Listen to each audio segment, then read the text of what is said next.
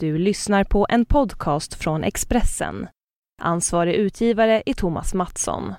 Fler poddar hittar du på expressen.se podcast och på iTunes.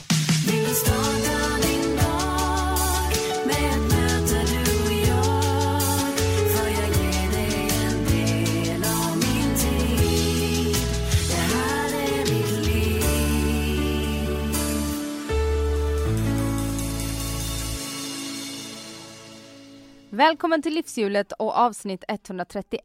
Du lyssnar på mig, Anna Hegerstrand och snart ska jag släppa på veckans gäst Johanna Jussi Niemi, mer känd under sitt artistnamn Puma Swede. Johanna har finska rötter men är född och uppvuxen i Sverige och bor idag i Los Angeles där hon har en framgångsrik karriär som bland annat porrskådespelerska. Hon är också entreprenör och lanserade nyligen sin egen kollektion med sexleksaker. Och 2012 skrev Johanna boken Mitt liv som porrstjärna, där vi får följa med in bakom kulisserna i porrbranschen.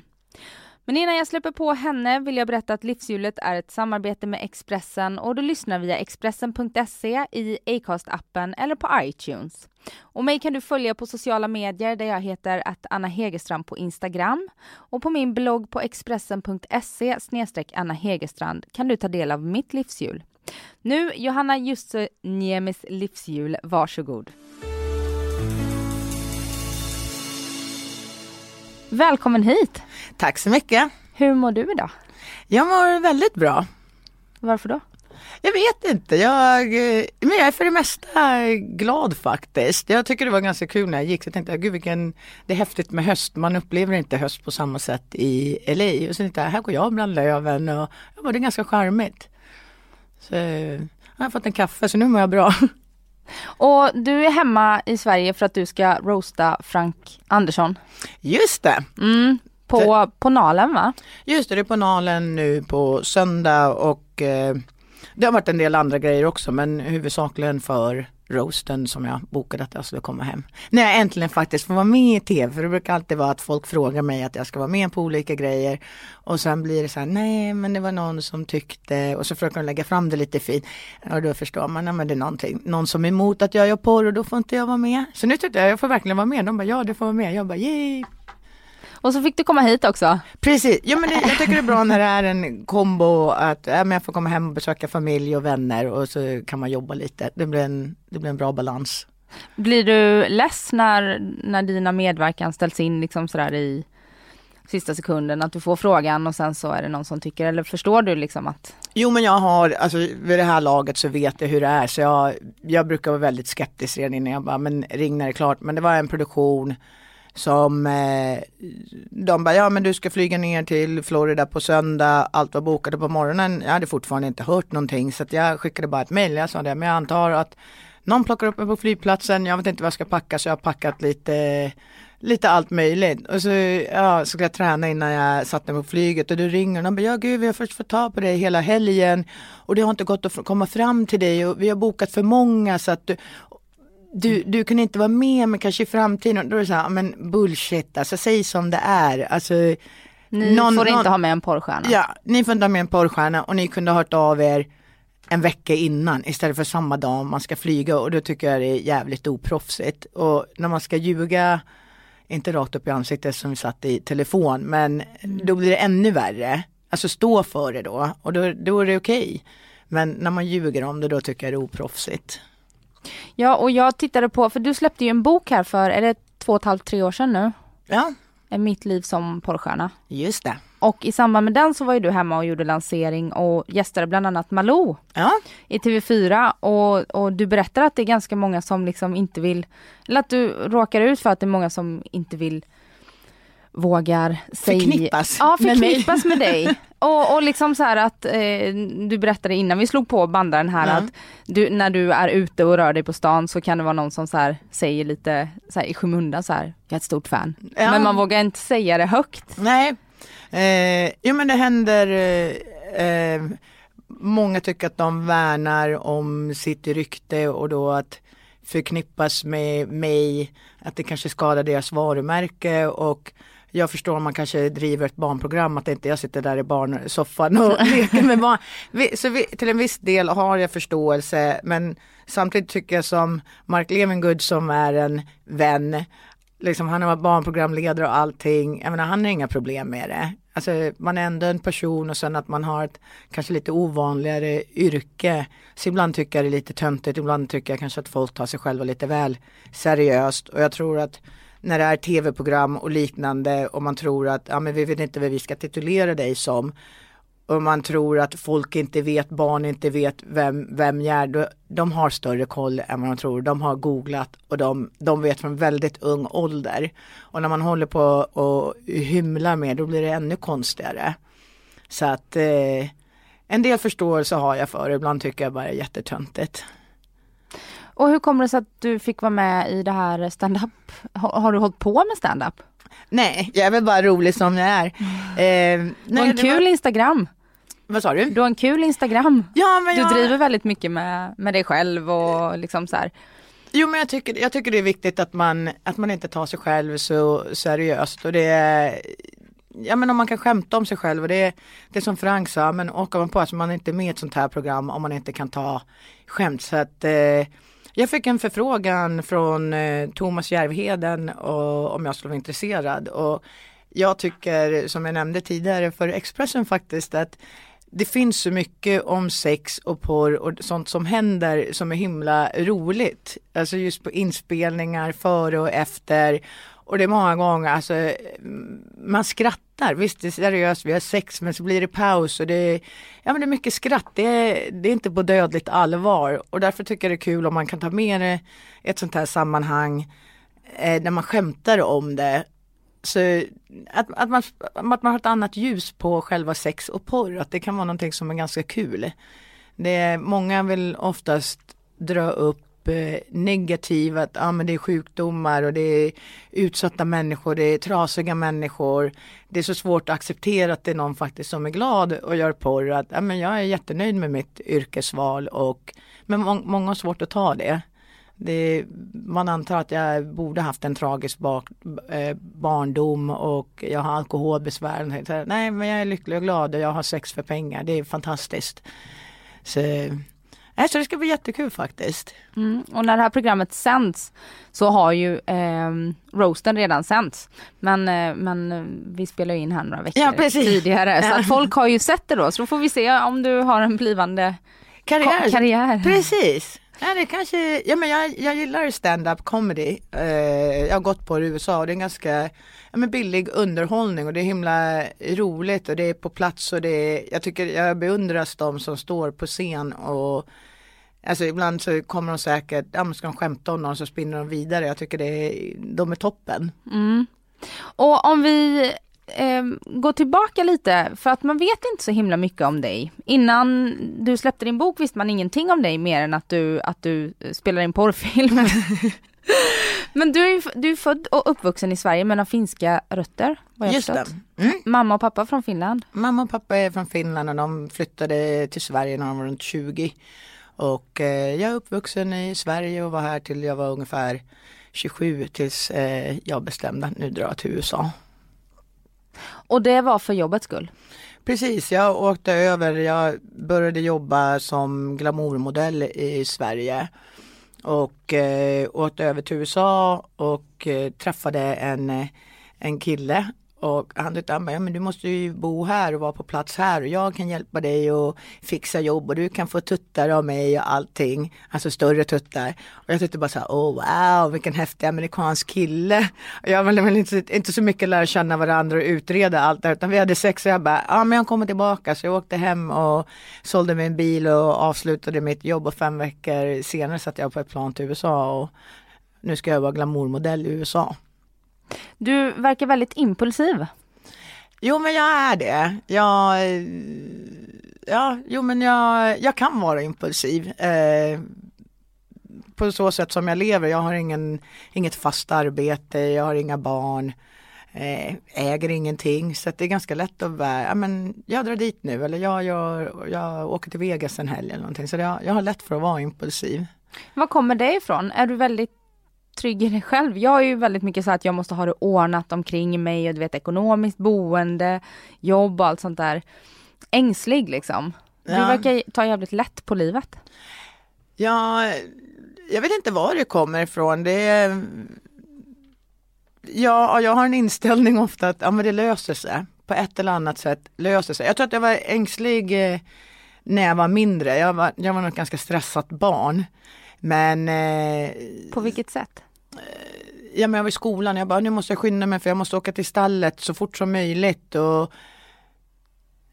eh, jag vet inte var det kom ifrån men jag, jag minns jag hade ofta huvudvärk som liten och eh, min pappa var väldigt sträng så det var sådana folk sa så här, eller mina kompisar, de bara nu kastar vi snöbollar på dem där. Då hann jag tänka sju steg längre. Jag bara, men om jag kastar och så träffar det någon eh, i ögat och så ringer de min eh, pappa och då blir han förbannad så då säger han, nej men jag kastar inte den snöbollen. Så att jag var nog inte bara så här, ja ah, men jag gör det här och så tänker man inte på konsekvenserna. Jag hann tänka på konsekvenserna medan nu är det, jag tänker nog inte så mycket på konsekvenserna utan jag kör. Och sen, ja men för det mesta har det blivit bra och det, ja men det, det underlättar när man kan vara impulsiv. Tycker jag. Det låter lite som revolt mot din barndom, att du var strängt hållen eller? Jo, men jag tror att det, jag tror att det är lite så också. För jag kommer ihåg eh, när mamma och pappa skilde sig. Jag kommer ihåg att en tanke som slog mig. Jag bara, men gud, nu kommer jag också kunna göra grejer. Och för mamma var väldigt mycket snällare och medan pappa var väldigt sträng. Så att jag tror efter det vart det, jag hade en pojkvän tidigt och sen vart det så här, men när jag var singel så var nu ska jag ta igen förlorad tid här. Så det, det började nog ganska smått och så var, var det liksom snöbollseffekten och det bara, då skulle man testa gränser och det var så här, ja men wow. Så att lite, nog, lite så är det nog. Och hur halkar du in på hela det här glamourmodell?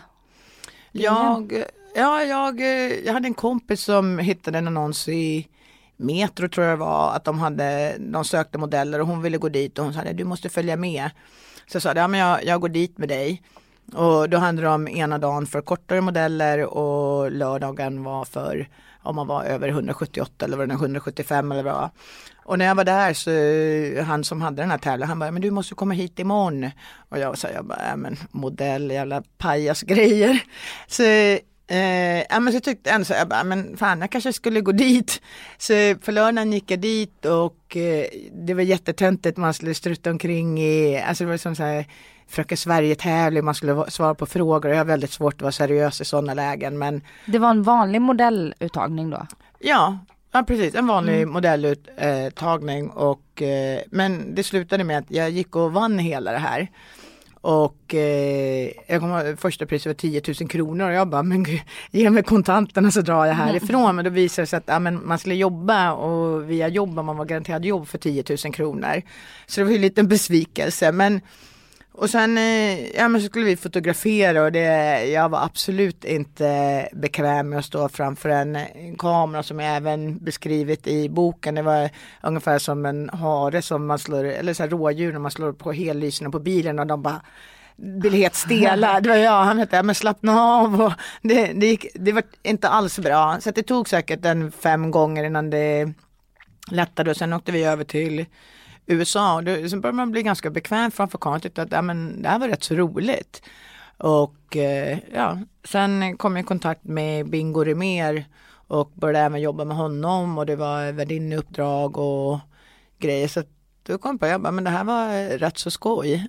Eh, jag har aldrig själv tänkt mig som sexig eller någon har liksom sagt, ja men känd, jag har alltid varit en stalltjej. Så plötsligt att ja, men man varit sminkad och stylad så bara oh, wow, då kände jag mig helt plötsligt lite glamorös. Så det var, det var en ny upplevelse. Och sen därifrån började du jobba på Privé? Äh, inte riktigt, så fort gick det inte. jag hoppade några steg. Nej men jag, ehm, jag åkte, gjorde två resor till USA och träffade då den här killen, Rex som han heter, som var den amerikanska drömmen tyckte jag. Ja, Just det, som ville köpa större bröst till dig. Och, Precis, så att, eh, jobbade som glamourmodell och han var min manager och eh, vi startade hemsida och och han var också din pojkvän. ja, han var pojkvän. Mm. Och eh, då eh, alltså skulle vi starta hemsida och då var det en som hade hon var 18 år och hon drog in grymma pengar. Det var när man kunde dra in jättemycket pengar på en hemsida. Så jag bara, men varför, varför får inte jag in de här pengarna? Jag tycker att jag är snyggare och jag har större tuttar. Och då sa hon det, de bara, men du är för gammal för att vara den här girl next door och bara, ja men kör lite vett t-shirt, du ser ut som en porrstjärna så ska du dra in pengar så får du liksom gå hardcore. Och då, ja, men jag funderade, jag bara, ja men då går jag hardcore. Och så började det med dildos och sen började jag jobba med tjejer i ja, två år. Och sen började jag även spela in med tjejer. Och sen tyckte jag så här, men nu tar jag snoppen helt enkelt. Och så på den vägen var det. Va, tänkte du ingenting på konsekvenserna då eftersom du hade fått med dig det hemifrån via din stränga pappa att okej okay, om jag gör det här nu? Jo, eh, och det var på något sätt blir det att när man var där borta så var det så här, ja men hemma i Sverige och lite så här, ja men man hade hela tiden tanken att jag måste berätta. Och, eh, men så gick man och drog på det. Men till sist så kom det fram eh, och man var tvungen att ta konsekvenserna. Och eh, det, det var jättejobbigt.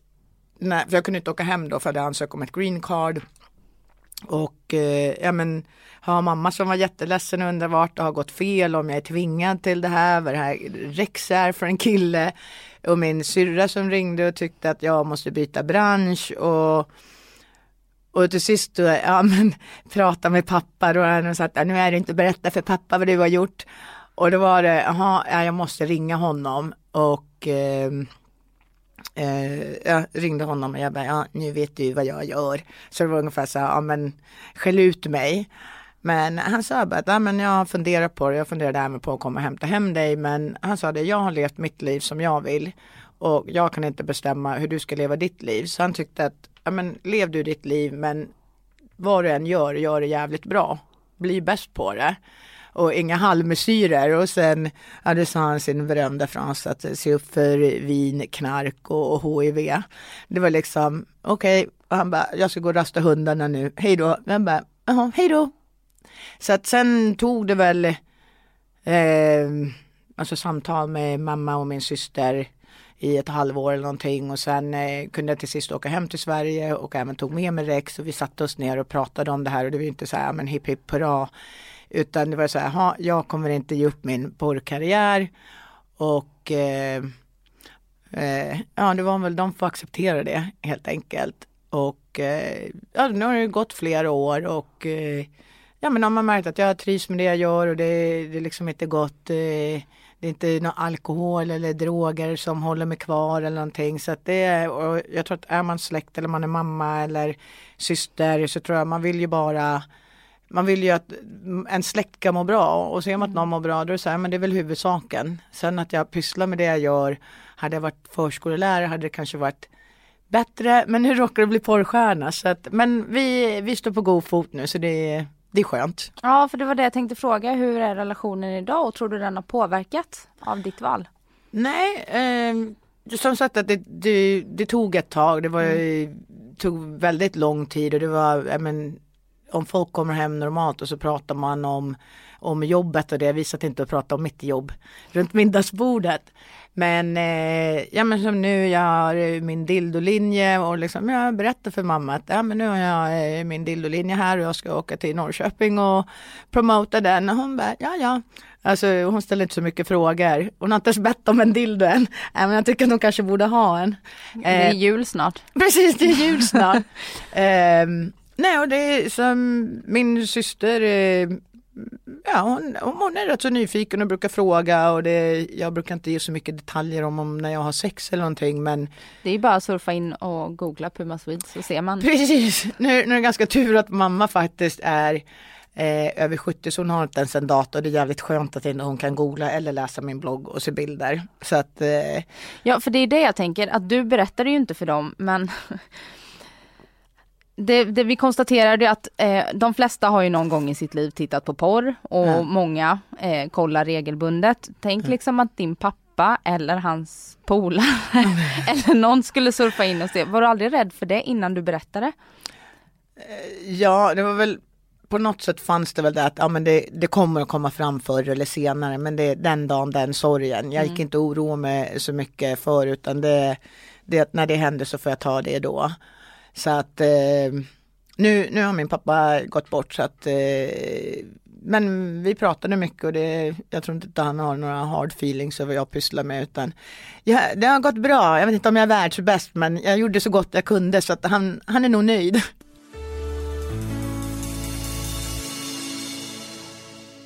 Alltså du är ju en stor stjärna i branschen. Mm. Så att du har ju verkligen, vad är det som har gjort dig till så framgångsrik? Ehm, jag tror i USA eller över hela världen tror jag att man har en bild av svenska kvinnor och tjejer. Alltså det är en myt på något sätt som lever och eh, jag tror att jag sticker väl ut en del för att jag är väldigt lång och eh, högljudd kanske. Ehm, jag är lätt att ha, samarbeta med. Jag menar, det finns en del människor som inte dyker upp i tid och så vidare. Kanske krånglig att jobba med. Jag är oftast väldigt positiv. Och, så att det är, syns väl kanske även på filmen att jag gillar det jag gör och det tror jag många uppskattar. Och du har jobbat nu, är det i 12 år? Eh, jag tror att jag har jobbat i tio och ett halvt. Jag har varit i USA i elva år så att jag tror, ja men tio år skulle jag säga någonting. Mm. Och eh, jobbar du fortfarande lika eh, intensivt med att spela in filmer och så? För i, som du nämnde, du har ju släppt en kollektion med sexleksaker. Mm. Du har skrivit en bok. Mm. Eh, du ska bli standup-stjärna nu. Nej men, men jo, eh, spelar du fortfarande in lika mycket och ser du det som din huvudsakliga grej? Nej, jag spelar inte in eh, lika mycket. För ungefär ett par år sedan så var det ett HIV-utbrott i branschen. Det var fem fall. Och sen eh, i samband med det då kände jag att ja, men det här var lite väl mycket. Och det känns inte helt säkert att gå och spela in när det bröt ut var och varannan månad. Och året efter var det två fall. Så att eh, då började jag bara jobba med tjejer. Eh, och eh, just nu så spelar jag bara in med tjejer och får min egen hemsida och gör väldigt mycket sådana här live cam shows där man, mm. där man inte ens behöver lämna hemmet. Så att jag tror att jag håller på och går lite från porrstjärna till entreprenör kanske. En entreprenör porrstjärna kanske det heter. Ja, Någonting liknande. det var ett nytt uttryck. jag finner egna ord här. Men, eh, nej, men jag har alltid haft tanken med på att jag vill ha produkter i mitt namn och jag håller även på att utveckla en underklädeslinje. Som förhoppningsvis kommer ut i början på nästa år. Jag håller även på med, jag, håller på med många grejer, jag håller även på med eh, konst så jag hoppas även kunna ha en vernissage i Sverige nästa år. Du målar? Japp. Vad målar du för något? Eh, jag, jag har väl inte kommit på en titel, jag brukar kalla det på amerikanska och säga fuck art. Så att eh, jag har faktiskt inte berättat för någon riktigt vad det är så att jag kan väl avslöja det här. Så att, mm. eh, jag har oftast målat eh, någonting och sen så ligger jag helt enkelt på tavlan med färg på mig själv och har sex på den eller onanerar eller någonting liknande så blir det ett abstrakt mönster på canvasen. Och sen har jag även gjort eh, collage som eh, kollar du på det på avstånd så ser det ut som en, ja men som ett ansikte till exempel, men kollar du nära så är den gjord, eh, ansiktet helt gjord på eh, tuttar och snoppar från tidningsutklipp på mig. Mm -hmm. Så det håller jag på, så webbsidan håller på och görs i ordning nu och jag håller även på att göra fler tavlor så att är det någon som är intresserad av att ha en vernissage så kan ni höra av er.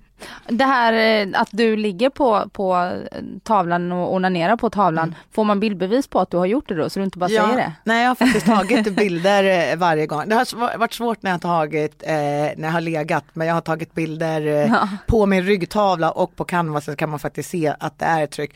Men det är hela grejen, jag skulle inte vilja fejka det utan men det har varit alltså canvasbitar som har gått sönder och allting när vi har gjort det. Så vissa har blivit skrotade men det, det är faktiskt väldigt, jag har väldigt kul när jag gör mina tavlor. Så att det, ja det och, tror jag det. Jo men det ligger, på något sätt ligger det väldigt nära med vad jag gör så blir det konst utav det. Mm. Har du fått en annan syn på, på sex under de här åren som du har jobbat? För jag kan tänka mig att du stänger av känslomässigt. Um, jag uh, jag var väldigt sen i min sexuella debut och eh, min första pojkvän som jag fick när jag var 18, han var 23, vi var bägge oskulder, och har varit med honom i fem år. Tills jag var 23 och, och trodde att jag hade ett helt liv med honom. Och sen plötsligt så upptäckte jag det här med one night stand och kunna ligga runt så att jag jag har varit väldigt sexuellt aktiv innan jag började spela in porr och tyckte att eh, ja men jag har rätt till lika mycket sex som killar har rätt till sex. Det var aldrig något konstigt att jag kunde ligga runt hejvilt och Sen tyckte jag på något sätt att börja spela in porr och ligga och faktiskt få betalt för det. Alltså, det var en helt fantastisk kombination. Och eh, så Ja, nu kommer jag bort, nu kommer jag från vad frågan Ja, om var. du har fått ja, en, en annan bild. Eh, ja, alltså visst sen går man till jobbet och då, eh, alltså det är inte, jag är inte kär i den jag jobbar med. Men eh, det är väl lika om jag tar hem ett one night stand så är jag inte kär i den heller utan man har skönt för stunden och det kan vara antingen bra eller dåligt. Och det är likadant när man spelar in en film, det kan vara en väldigt bra scen eller ibland vart liksom, men man fick kämpa sig igenom den. Så att, och sen, ja men sen har man hem, om man är hemma och har sex då är det ju någon jag väljer att ha sex med. Och det är en skillnad medan nu är du bokad och jobbar med Per här och nu går du hem och har sex med din pojkvän och det, du kan ligga i en skön säng, du ligger inte, liksom, det skaver inte, du ligger inte på en hård bordsskiva eller någonting. Så det, det här är en skillnad men jag tror inte min syn på sex har förändrats någonting från Nej, låg runt tills att jag började med sex tills hur det är nu. Det har aldrig påverkat dig liksom rent privat att du kan ha svårt att ha sex privat om du förstår vad jag menar. Ja. Att inte jobbet kommer in där, att det blir eh, Nej, Mer mekaniskt. Det, jag tror inte för min del men det kan nog påverka folk som har sex med mig och jag har märkt det väldigt många gånger när man ska ha eh, sex så tror folk att de måste köra på i 190 och de är osäkra på om deras snopp är tillräckligt stor. Och, och det är så här, ja men det är ingen inspelning, du kan bara köra lugnt, vi kan köra missionären, det är helt okej. Och eh, så jag tror mer påverkar folk som ska ha sex med mig. Jag tror att de blir mer nervösa och det brukar ta ett par gånger tills de bara okej, jag kan bara ligga helt lugnt, jag behöver liksom inte överprestera. Det är inte så att du känner pressen på dig att vara porrstjärnan Puma Swede? Eh, nej, det Nej, jag tror folk kanske tror så här, "Ja, det var det bara så att ha sex med en porrstjärna. Fan vad Jag trist. Precis, fan vad tråkigt det till. var. Ja, precis. Nej, men jag tror som jag har pojkvän och det är, som han får väldigt många frågor att ah, men gud vad har ni för hemma? Och du säger, jag tror han kanske blir besviken men det är ganska normalt faktiskt. Så, eh, jag tror kanske att jag är mer öppen för olika grejer och har testat på väldigt många olika grejer. Det kanske är det som är skillnaden men annars så är det rätt så lika. Och jag, du sa till- i Malou-intervjun att du precis hade träffat någon då. Är det Mm. han som du är tillsammans med nu? Ja, han hänger, han eh, står ut med mig fortfarande. så, eh, vi har varit tillsammans i lite över tre år nu. Mm. Och, och ni bor tillsammans fram tills ni sålde Mm. typ allt ni äger och har i LA. Precis. Det är så jävla coolt. Ja. Du gör typ min dröm, jag hatar ju prylar. Ja. Jag vill ju också bara så här önska att jag kunde bo i, i en väska. Alltså jag har alltid gillat att resa, det är en av mina jättestora passioner. Och eh, min pojkvän gillar också att resa. Och då tyckte vi liksom varför sitter vi på alla de här grejerna, alltså allt överflöd. Och det var och jag var en sån här, jag vet inte vad det heter på svenska, en hoarder, jag, Samlare. Ja, jag sparade på allt. Och till sist när man börjar gå igenom allt, jag hade en hel kartong med hotellnycklar jag bott på, jag hade ja, men kläder och skor och grejer. Och det, först var det jättesvårt att göra sig av med saker. För man, ja men den här köpte jag här borta, den här spenderade så här mycket pengar på. Men sen när man börjar göra så, men då bara, men gud, jag behöver ju ingenting. Och man, och då behöver man någonting, ja, men då kan man köpa någonting, men inte det här överflödet med 30 par skor i, i svart och sen eh, ja, men fem par jackor och väskor och grejer. Ja, men nu har jag en och sen får den duga tills jag skaffar en ny. Så att det, det ger en enorm eh, frihet faktiskt. Och nu så är ni på väg till Thailand. Förhoppningsvis blir det Thailand för att eh, underkläderna, fabriken finns i Bangkok och då tycker jag att då, då är det kul att vara på plats och se hur allting görs och veta hur allting görs och vara, vara med i produktionen. Jag, jag vill gärna veta hur allting går, går till. Så att då tyckte jag, men uh, alltså LA är väldigt dyrt att bo i. Och nu har jag varit i LA så länge så, och jag äls- älskar Asien så tyckte jag så här, men Thailand det verkar bra, bra klimat och eh, bra mat så då, eh, det lutar mot Thailand i januari. Gud vad härligt. Mm. Och Bangkok då eller? Jag tror att det blir eh, eh, Bangkok och sen ja, resa omkring där. och eh, övriga Asien också. Jag gillar Hongkong och Japan och Singapore. Så, men då ligger det nära, då kan man resa därifrån. Och det är enkelt när man har en resväska. Man behöver ett par shorts, ett par linnen och så en bikini kanske. Och en webcam. Och en webcam. Ja, men det, ja, men det, Du det kan ju är- ta med dig jobbet nu. Jo men det är så att var, vart det än är liksom, ja, men vill man ha, tjäna lite pengar då slänger man upp webcamen och så kör man ett par timmar. Och så där, där har du både hyra, räcker med en webcam så har du betalat hyran och maten för en månad. På vilket sätt, nu kanske jag låter helt bakom flötet, men hur, hur tjänar man pengar på den webcamen? Får man liksom betala för att gå in på din sida och titta på den då eller? Precis, det är ett eh, stort, eh, det finns flera olika men de flesta funkar likadant. Det är en webbsida och så finns det tusentals tjejer som är med här och så kan man ungefär som på ett bi- bibliotek, man bläddrar igenom, men den här tjejen gillar jag och så ser man vilka som är live och eh, vill man då gå in, oftast beställ, är man inne i kanske en privat chatt och då får man betala om man ska gå in och vara med i den här chatten. Och då kan det vara flera stycken som är med i samma chatt eller så kan man boka en privat chatt där man bara är en och en. Och så har man även option att ha på sin kamera och eh, ja, så jag ser vad de gör. Så att eh, det, det är någonting som är väldigt stort som väldigt många pysslar med och eh, alltså det finns tjejer som lever på den här webcamen 12 timmar om dygnet. Så att, eh, och det, jag tror att för många, alltså jag har väldigt många svenskar som klickar in och jag tror att det är ganska personligt för att Ja, men här sitter jag med Puma Swede och chattar. Och eh, det är jättekul och det är många tror att men det är bara runk, sug och svälj. Men det är, alltså, många vill bara liksom sitta och chatta och ha en konversation och så att det, är, det är väldigt kul faktiskt. För, för det jag har sett på din Instagram brukar du så lägga ut ibland så här, nu går jag live om fem minuter Ja. eller f- 15 minuter. Ja, Och det är då, då kan man gå in live. ja precis. Och får, får alla vara med som vill då? Eller, för jag menar om du ser allt som alla andra gör. Det Eh, vara Det finns, så länge inte jag är en betald eh, chatt så kan alla vara med och chatta gratis. Mm. Man måste bara logga in med, alltså så man har ett användarkonto på sidan. Men så fort någon börjar betala så ska man, ska man se godsakerna så får man betala. Ja, som alltid. Precis, tyvärr.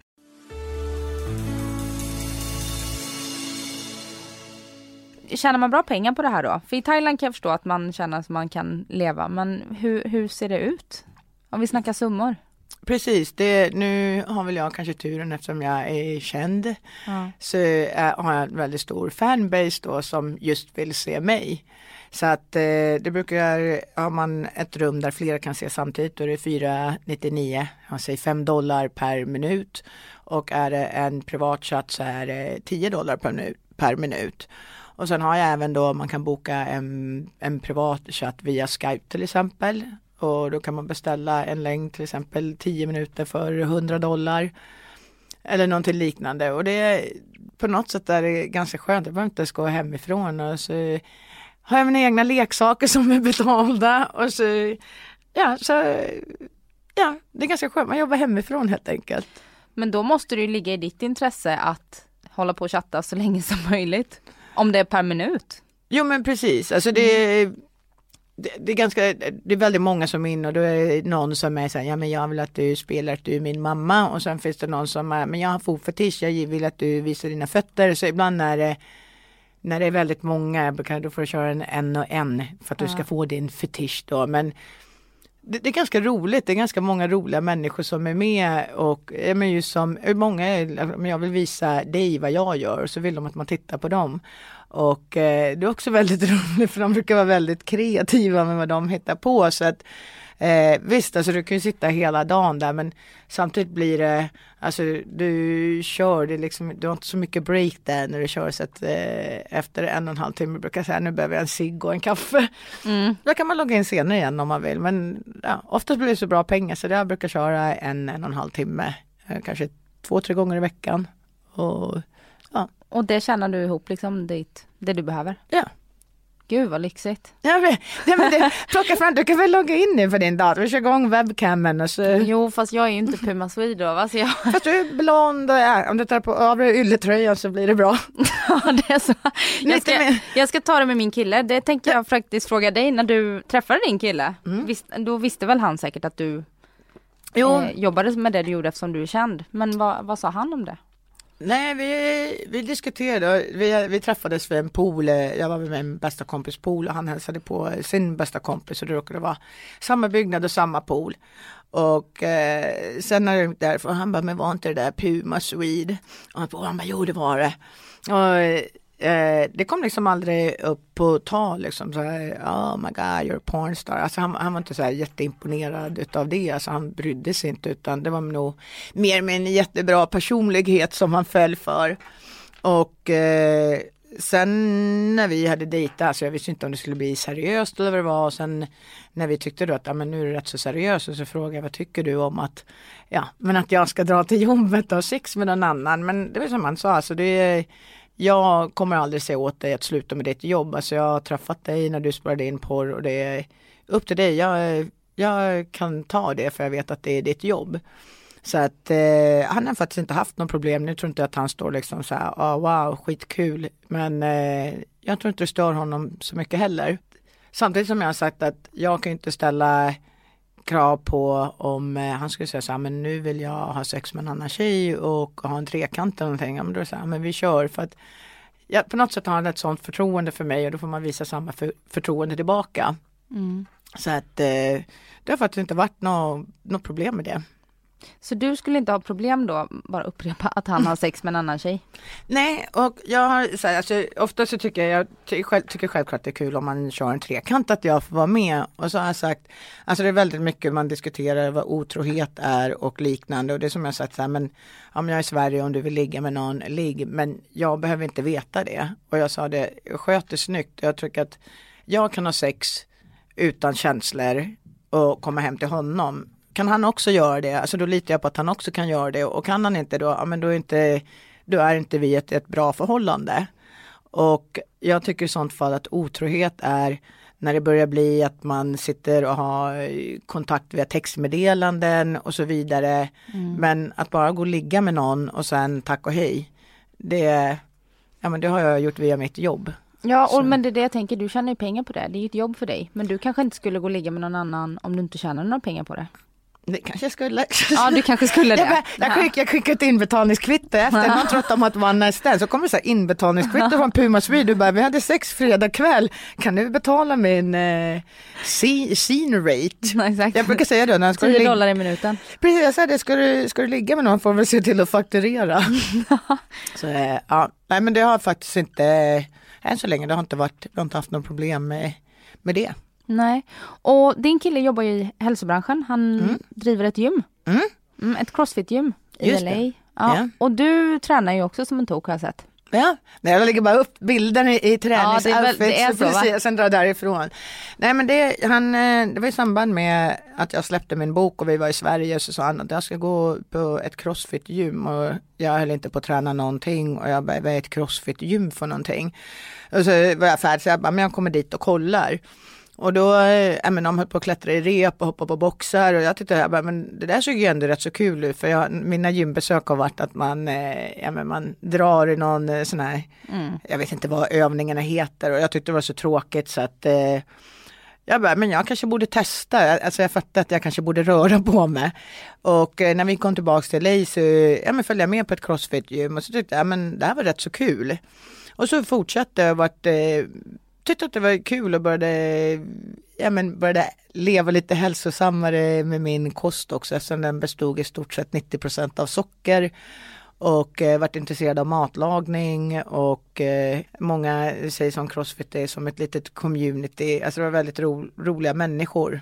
Man... Jag har en kusin som är Crossfit-frälst och det är som en sekt. Typ. Ja men folk säger det, jag kommer mm. inte på ordet men många säger det, ja men det är en jävla sekt men det Samtidigt eftersom jag reser väldigt mycket så är det väldigt kul, går man på crossfit-gym då, ja, men då har man, det känns som man har kompisar på en gång och då säger men jag vill gå och äta och de bara, men jag skjutsar dig dit och ni ska gå hit och göra det här och följ med oss hit. Så att det, det är väldigt lätt sätt att skaffa vänner på.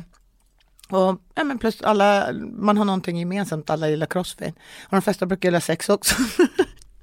Så man har två saker gemensamt. Nej, men alla Träna gillar, crossfit ja, men alla gillar sex, det kan man ju förutsätta, eller de flesta gillar sex. Så då har man ju två saker gemensamt. Mm. Men du tar inte betalt av dina crossfit eh? Jag, jag, jag är inte säker, jag brukar ju tro att alla vill ha sex med mig men det, är, det kanske inte är så. Har du blivit nobbad någon gång? Jo men, jo, men det har jag. Jag eh, hade en, eh, jag beskrev det i boken, jag hade en singelperiod och eh, jag sa till min kompis Nicky som jag hade det, jag sa men gud jag är jättesvårt för att få ligga. Jag vet liksom, det var problemet Alltså, jag, hitt, jag hittade liksom inte sådana som jag var intresserad av att ligga heller.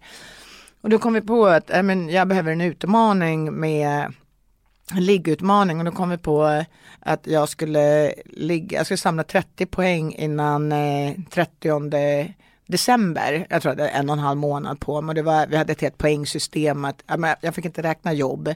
Eh, sex med en tjej var ett halvt poäng, sex med en kille var en poäng, sex med två killar var eh, tre poäng och, och så vidare. Det var ett helt, helt poängsystem och då var det ju som en tävling. Alltså, eh, då hade man ett mål helt plötsligt. Så ibland var det att man kunde släta över någon bara för poängens skull.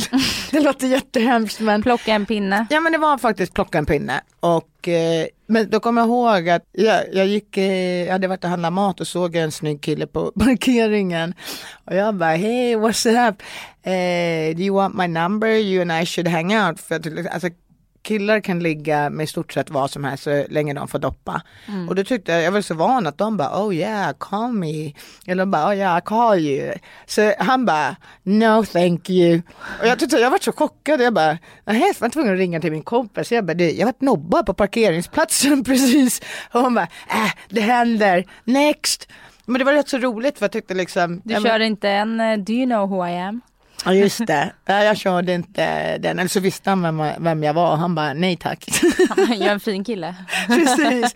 Nej, men det, var, det var faktiskt eh, väldigt roligt, jag hade väldigt kul och jag har väldigt många roliga minnen från det här så jag kanske borde köra en ny liggtävling helt enkelt med mig själv.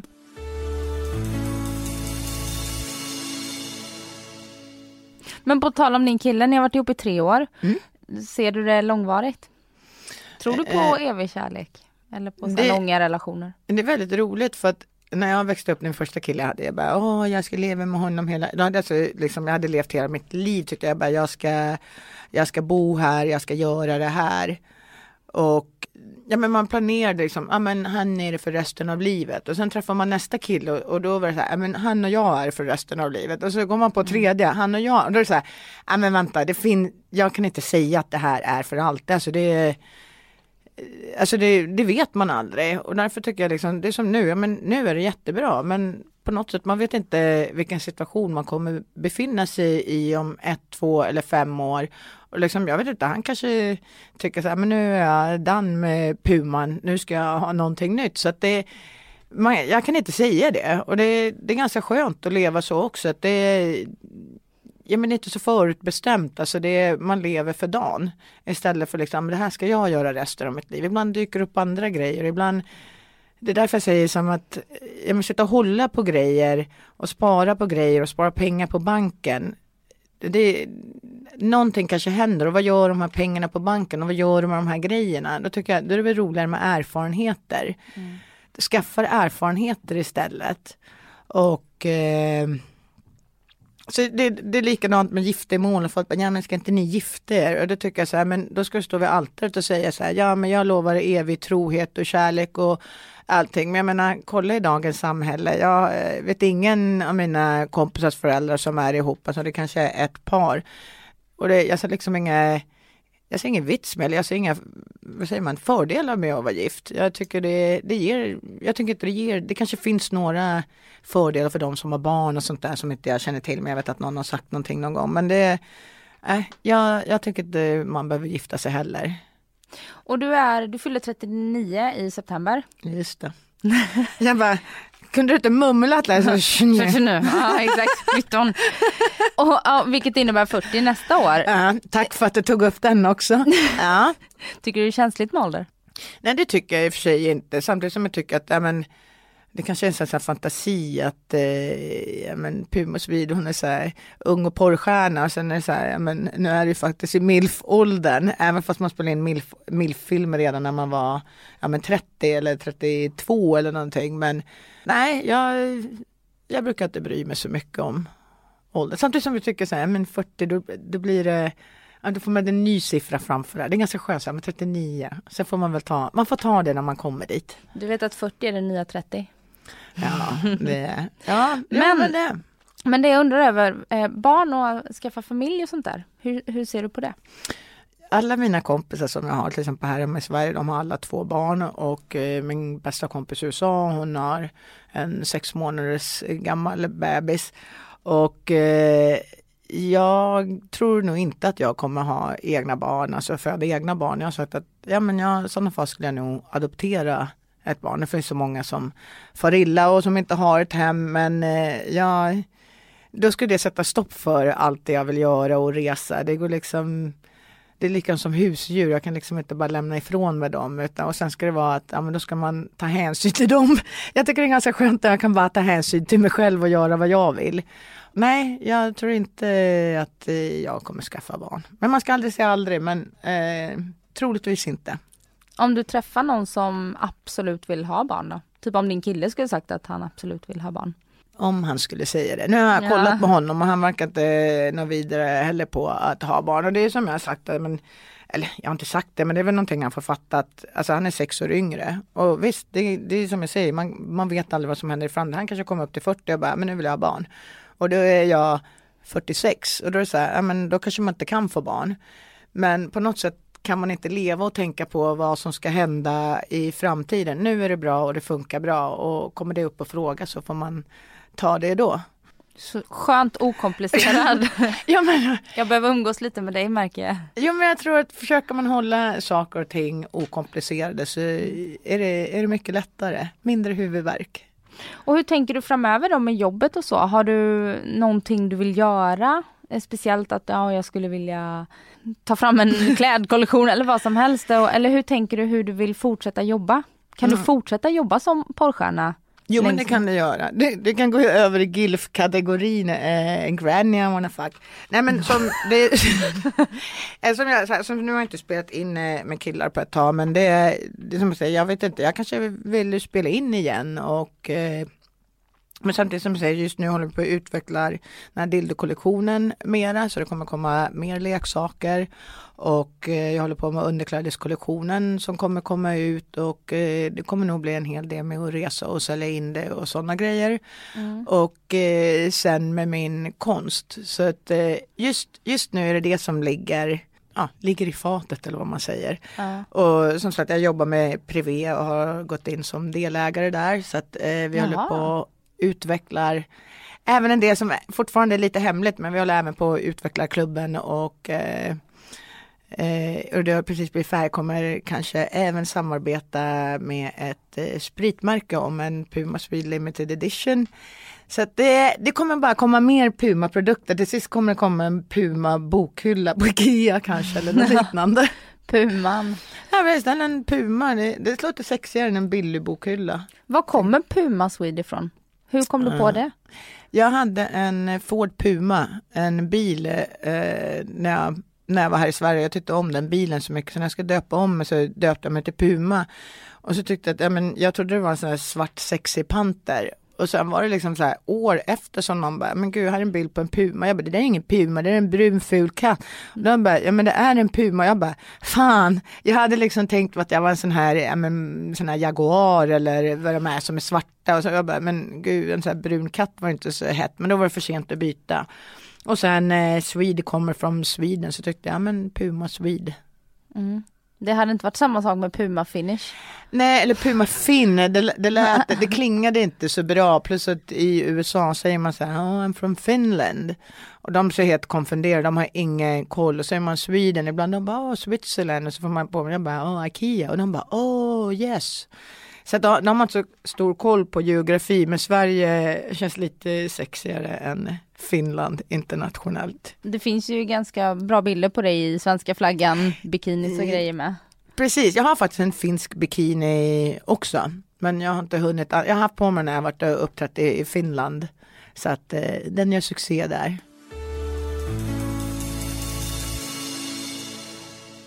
Då måste jag också fråga, hur många bröstförstoringar har du gjort? Eh, jag, jag tänkte säga två, men jag har faktiskt gjort eh, tre. Och eh, det var också en sån här spontan grej. Jag såg eh, på tv om eh, två tjejer som hade opererat brösten. Jag bara, gud jag vill också ha större bröst. Och så hade de med Victoria-kliniken i den här eh, reportaget, de hade nämnt det. Så jag, bara, jag googlade det och då bodde jag i Tumba och då låg det bara alltså, tio minuter ifrån. Så jag bara, jag ringde dit, jag vill komma på konsultation. Och jag tänkte jag ska ha större bröst och de bara, men du får åka hem nu och fundera på det. Hur gammal var du då? Eh, undrar om jag var, jag har glömt på, undrar om jag var någonting kring ja, men 23, 24 eller någonting. Jag, jag, tror att jag skrivit i boken, jag, jag minns inte nu. Mm. Men så ringde jag nästa dag och bokade och sen eh, när de tog bort allt det här bandaget och jag bara, men gud de här är inte tillräckligt stora. Och han var bara så här, nej men de, nu har du DD-kupa, det räcker. Och jag bara, nej. Jag bara, kan vi inte liksom bara operera in mer nu? Det är ju liksom färska sår. Så att nej, men han skickade hem mig och sen bara, du får ringa om ett halvår. Och då ringde jag tillbaka ett halvår, jag sa att jag ska ha mer. Och eh, gick tillbaka och fick större tuttar och de hade jag i 13 år. Och sen fick jag, eh, den ena kapslade sig lite och då tyckte jag att ja, men nu kommer jag tillbaka och ska ha mer nu när vi ändå ska byta ut dem. Och eh, ja men så fick jag 800 gram och det roliga var att jag faktiskt var tillbaka igår till honom och eh, gjorde lite fillers och grejer. Så sa jag det, jag bara, men jag vet att du nämnde förut att du kan få tag på specialbeställda eh, implantat och han sa det, han kanske kan fixa det. Han är, han är inte för det, för han är väldigt seriös och det. Men eh, han vet även vad jag jobbar med och eh, ja, han upplev, upp, upplyser mig allt om riskerna och det här. Så jag sa det, men mitt Sverige, nästa Sverigebesök kommer jag komma tillbaka och då vill jag, jag drömmen är att ha ett kilo i varje. Eller mer. ett kilo i varje. Jag bara tänker på ryggen. Ja men det är därför jag tränar för att kunna mm. bära upp dem. Dina bröst. Mm. Vad, vad har du för kupa nu då? Nu har jag G eller H-kupa. Men och det sen bara kom, kommer det bli Finns ja, men, det sådana bh? Det är därför jag ska göra mina egna bh. Ja, men det är PH, jag syr mina egna kläder istället ja. för jag syr mina egna bhs. Det kommer inte finnas så många som kan använda dem om du bara gör det i, i din egen storlek dock. Nej men det kommer nog, alltså jag har en tanke kring det här, till exempel hur man kan hur man kan göra så att fler kan använda samma stor. För ofta är det som, jag kan till exempel ha en trippel D-kupa men då får jag sy in dem i ryggen. Mm. Så att man kanske kan lösa det på annat sätt. Men jag, jag vet väldigt många som skriver till mig att, ja men var hittar du dina bhs? Det finns inga sexiga bhs i, ja men om man har G eller H eller, ja men från D och uppåt EF. Och det är väldigt många som opereras idag och eh, ja, men även naturliga stora tuttar. Man vill inte ha en sån här tant-bh i benvitt med tjocka axelband och som liksom skyler hela bröstet. Man vill, jag vill även ha push-up-bh, roliga färger så att eh, då tyckte jag att ja, men då ska jag ta fram det. Mm. Och när sa du att det lanseras? Eh, förhoppningsvis, nu har vi möte angående hemsidan och eh, jag åker ner till Thailand i december för att kolla på provkollektionen och så kommer det säkert göras en del ändringar eller inga alls. Så förhoppningsvis lanseras det i början på nästa år. Spännande. Mm. Jag får komma förbi med en bh eller en sån här pärl, pärltros eller någonting åt det. Ja, jättegärna. Då vet jag en annan som kommer bli glad också. Tack snälla för att du kom hit och gästade mig. Tack så jättemycket för att jag fick vara med. Ja men verkligen och ha det så härligt i Asien nu då om det, om det blir så. Absolut, tack så mycket. Och du får ha det bra i, i Sverige. Jag kommer att hälsa på. Gör det, varför inte? Faktiskt. Ha det bra nu. Tack, tack, hej då. Hej då.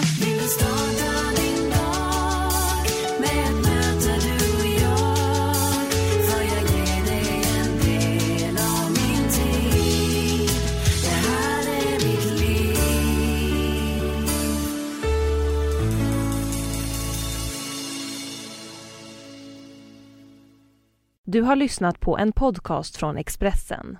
Ansvarig utgivare är Thomas Mattsson.